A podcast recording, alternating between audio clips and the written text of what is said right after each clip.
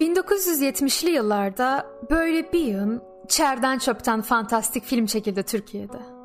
Kızıl Maske, Drakula, Korkmak Bazen Günahtır, Uçan Kız gibi tonla film.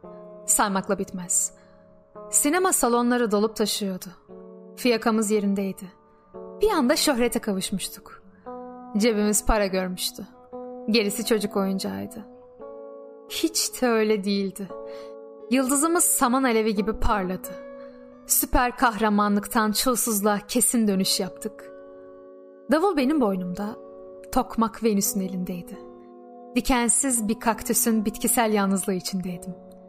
Sistemi, kuralları, prensipleri bir anda unuttum. Kolumdaki saati çıkarıp cebime koydum. Gömleğimden birkaç düğme çözdüm.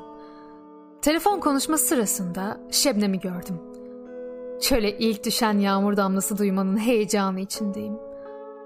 Baharı fetheden ordunun sancağı gibi dalgalanan elbisesi karşısında hazır ola geçiyorum. Fırtınalı bir geceden sonra yükselen güneş gibi gülümsüyor. Gözleri zamanın başlangıç gecesi kadar derin. Kirpikleri kıpırdıyordu.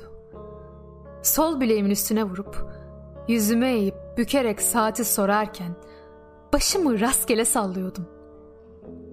Sertçe koparılan bir gelincik gibi irkilmişti. Gözleri korkuyla erileşmişti. Saati mi soruyorsunuz? Evet anlamında başımı salladım.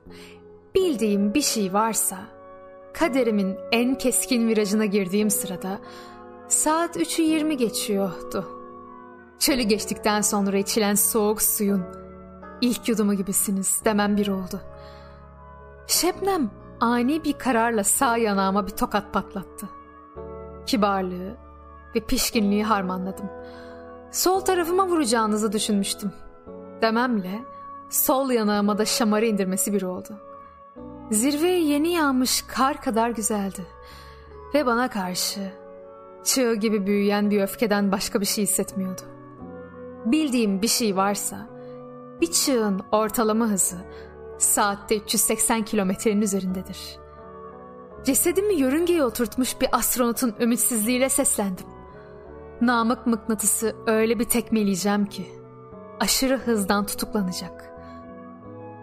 Ayağına gelen fırsatı tepmek diye bir şey olmasaydı ben icat ederdim. İşe yaramadı. Şebnem uzaklaştıkça sesimi yükseltiyordum. İlkesel olarak hiç kimseyi öldürmüyordum. Fakat Şebnem isterse kendimi bile vurabilirdim.